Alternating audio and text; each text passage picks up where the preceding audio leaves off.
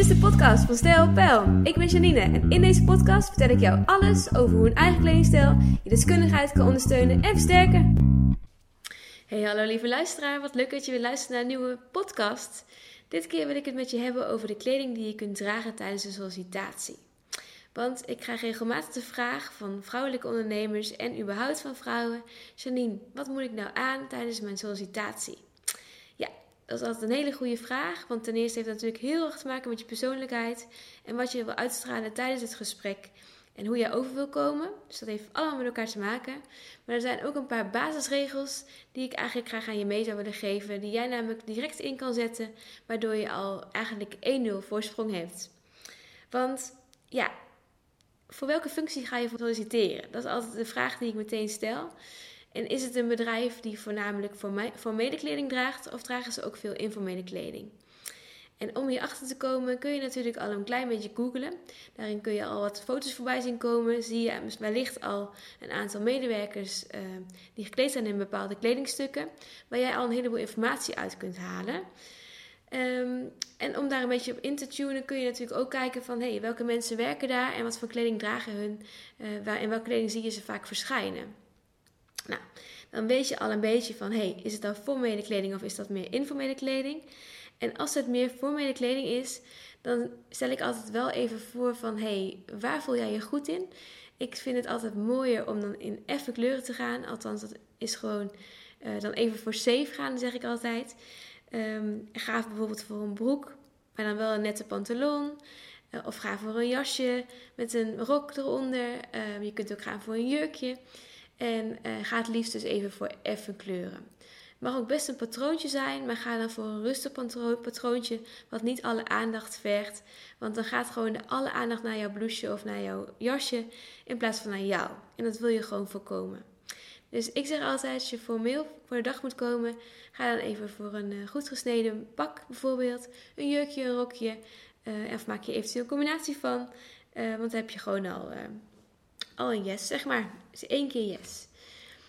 vervolgens kijk ik dan ook altijd van, ja, um, welke boodschap wil ik dus uitstralen? En welke kleuren zet je dan daarvoor in? En ben jij dus een heel kleurrijk type, dan mag je best wel een kleur inzetten, ook tijdens het eerste sollicitatiegesprek. Maar ik zou niet meteen gaan voor enorm veel kleur bij elkaar. Dus niet dat je echt colorblocking gaat. Uh, want dan, ja, dan, krijg je eigenlijk weer hetzelfde effect als wat ik net al over had. Dan krijgt de, alle kleding die je draagt, krijgt alle aandacht. En dan ben jij eigenlijk minder belangrijk in het gesprek. En dat wil je gewoon voorkomen. Dus ik stel voor, je mag best kleding en kleuren inzetten. Um, en ook zeker rekening mee houden wat fijn voelt en wat goed bij jou past. Maar voor de eerste en het tweede sollicitatiegesprek zou ik niet te veel kleuren met elkaar combineren. Bijvoorbeeld donkerblauw, maar er mag best wel een geel shirtje onder of geel blouseje onder. Um, maar combineer bijvoorbeeld een zwart jurkje met wel een kleurrijke sjaal. Zodat het niet meteen alleen maar kleur is, maar dat je dus uh, de aandacht naar je gezicht krijgt gevestigd. En nou ja, je mag dus echt gerust kleur inzetten. Dat is wat ik zeg. Vervolgens um, zie ik ook heel veel mensen met accessoires altijd een beetje stoeien. En tijdens het sollicitatiegesprek zeg ik altijd: uh, zorg dat het geen kerstboomgeheel wordt. Uh, maar kies een aantal dingen uit die je gewoon uh, draagt. Dus bijvoorbeeld een mooie ketting of een mooie armband. een ketting en armband kan ook samen gaan als het maar niet heel extreem overheersend is, bijvoorbeeld. Dus dat je en een blouse hebt die al enorm veel aandacht vraagt, en nog een ketting die heel veel aandacht vraagt, plus een armband, dan wordt het wel heel erg veel. Ik zeg altijd wel daarbij liever een paar opvallende oorbellen en dan geen ketting, of een mooie opvallende ketting en dan bescheiden oorbellen.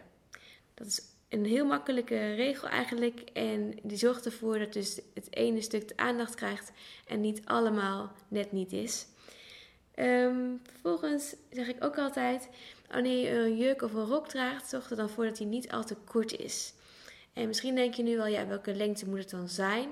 Ik ga zelf altijd uit van uh, hoog uit een aantal centimeter boven de knie. Dan zit je namelijk altijd goed, maar ga voor niet al te kort. Want wanneer je te kort draagt, ja, dan is het eigenlijk jammer van je, um, de inhoud van jouw gesprek. Want je wil nogmaals dat de aandacht naar jouw gezicht gaat in plaats van naar jouw kleding. En wanneer je de rok net iets boven de knie laat eindigen, zit je gewoon vrijwel altijd netjes en kom je goed voor de dag. Vervolgens is het ook belangrijk dat je schone kleding draagt. En misschien denk je nu, ja, de, dat is toch heel logisch. Maar echt, het gebeurt regelmatig dat mensen dus bijvoorbeeld, als je net naar een sollicitatiegesprek moet, dat je nog even snel je tanden poetst en dat er dus een tandpasta-plek op je kleding verschijnt. En om dit te voorkomen, stel ik altijd voor om heel even te bekijken, jezelf te bekijken in de spiegel. Gewoon liefst een grote spiegel, dat je jezelf even volledig kunt zien. Uh, en nog net eventjes dat uh, vlekje kunt wegpoetsen op het juiste moment. Ja, dat zorgt er gewoon net voor dat je heel iets beter voor de dag komt. En dat wil je graag. Nou, vervolgens is het ook belangrijk dat je lekker ruikt. Je hoeft echt niet een hele lading parfum op te doen, zeg ik altijd. Maar zorg er wel voor dat je kleding lekker fris is, dat het schoon is en dus uh, lekker ruikt. Want ook dat is belangrijk tijdens het sollicitatiegesprek. Online heb je hier natuurlijk niet mee te maken, want dan kunnen mensen je dus niet ruiken. Maar mensen zien wel de vlekken eventueel op jouw kleding. En het is gewoon belangrijk dat je je wel verzorgd kleedt. Vervolgens um, vind ik het ook altijd heel belangrijk dat wanneer je een panty draagt, dat je een goede kwaliteit panty koopt. Misschien denk je nu, ja, niet, maar die zijn best wel prijzig. Snap ik heel goed. Maar liever één goede panty die er goed uitziet en die goed op jouw benen mooi overkomt. Uh, dan dat je een panty draagt waar je meteen een ladder in jouw panty hebt. Want dat is echt gewoon jammer. Want ja, heel eerlijk jongens, wanneer je de auto uitkomt en je blijft net even achter een uh, haakje hangen, dan heb je gewoon een ladder in je panty en dat wil je gewoon voorkomen. Zelf draag ik altijd even een extra panty bij mij in mijn tas. Uh, als ik naar dit soort dingen ga of een zakelijke bijeenkomst heb, kan ik in ieder geval de panty even wisselen wanneer ik denk, oeh, die ladder is net even iets te snel in mijn panty gekomen. En dan heb je gewoon een noodoplossing. Nou, dat scheelt echt een heleboel stress. Daarnaast is natuurlijk ook wel een stukje kleur. Je straalt een bepaalde boodschap af met bepaalde kleuren.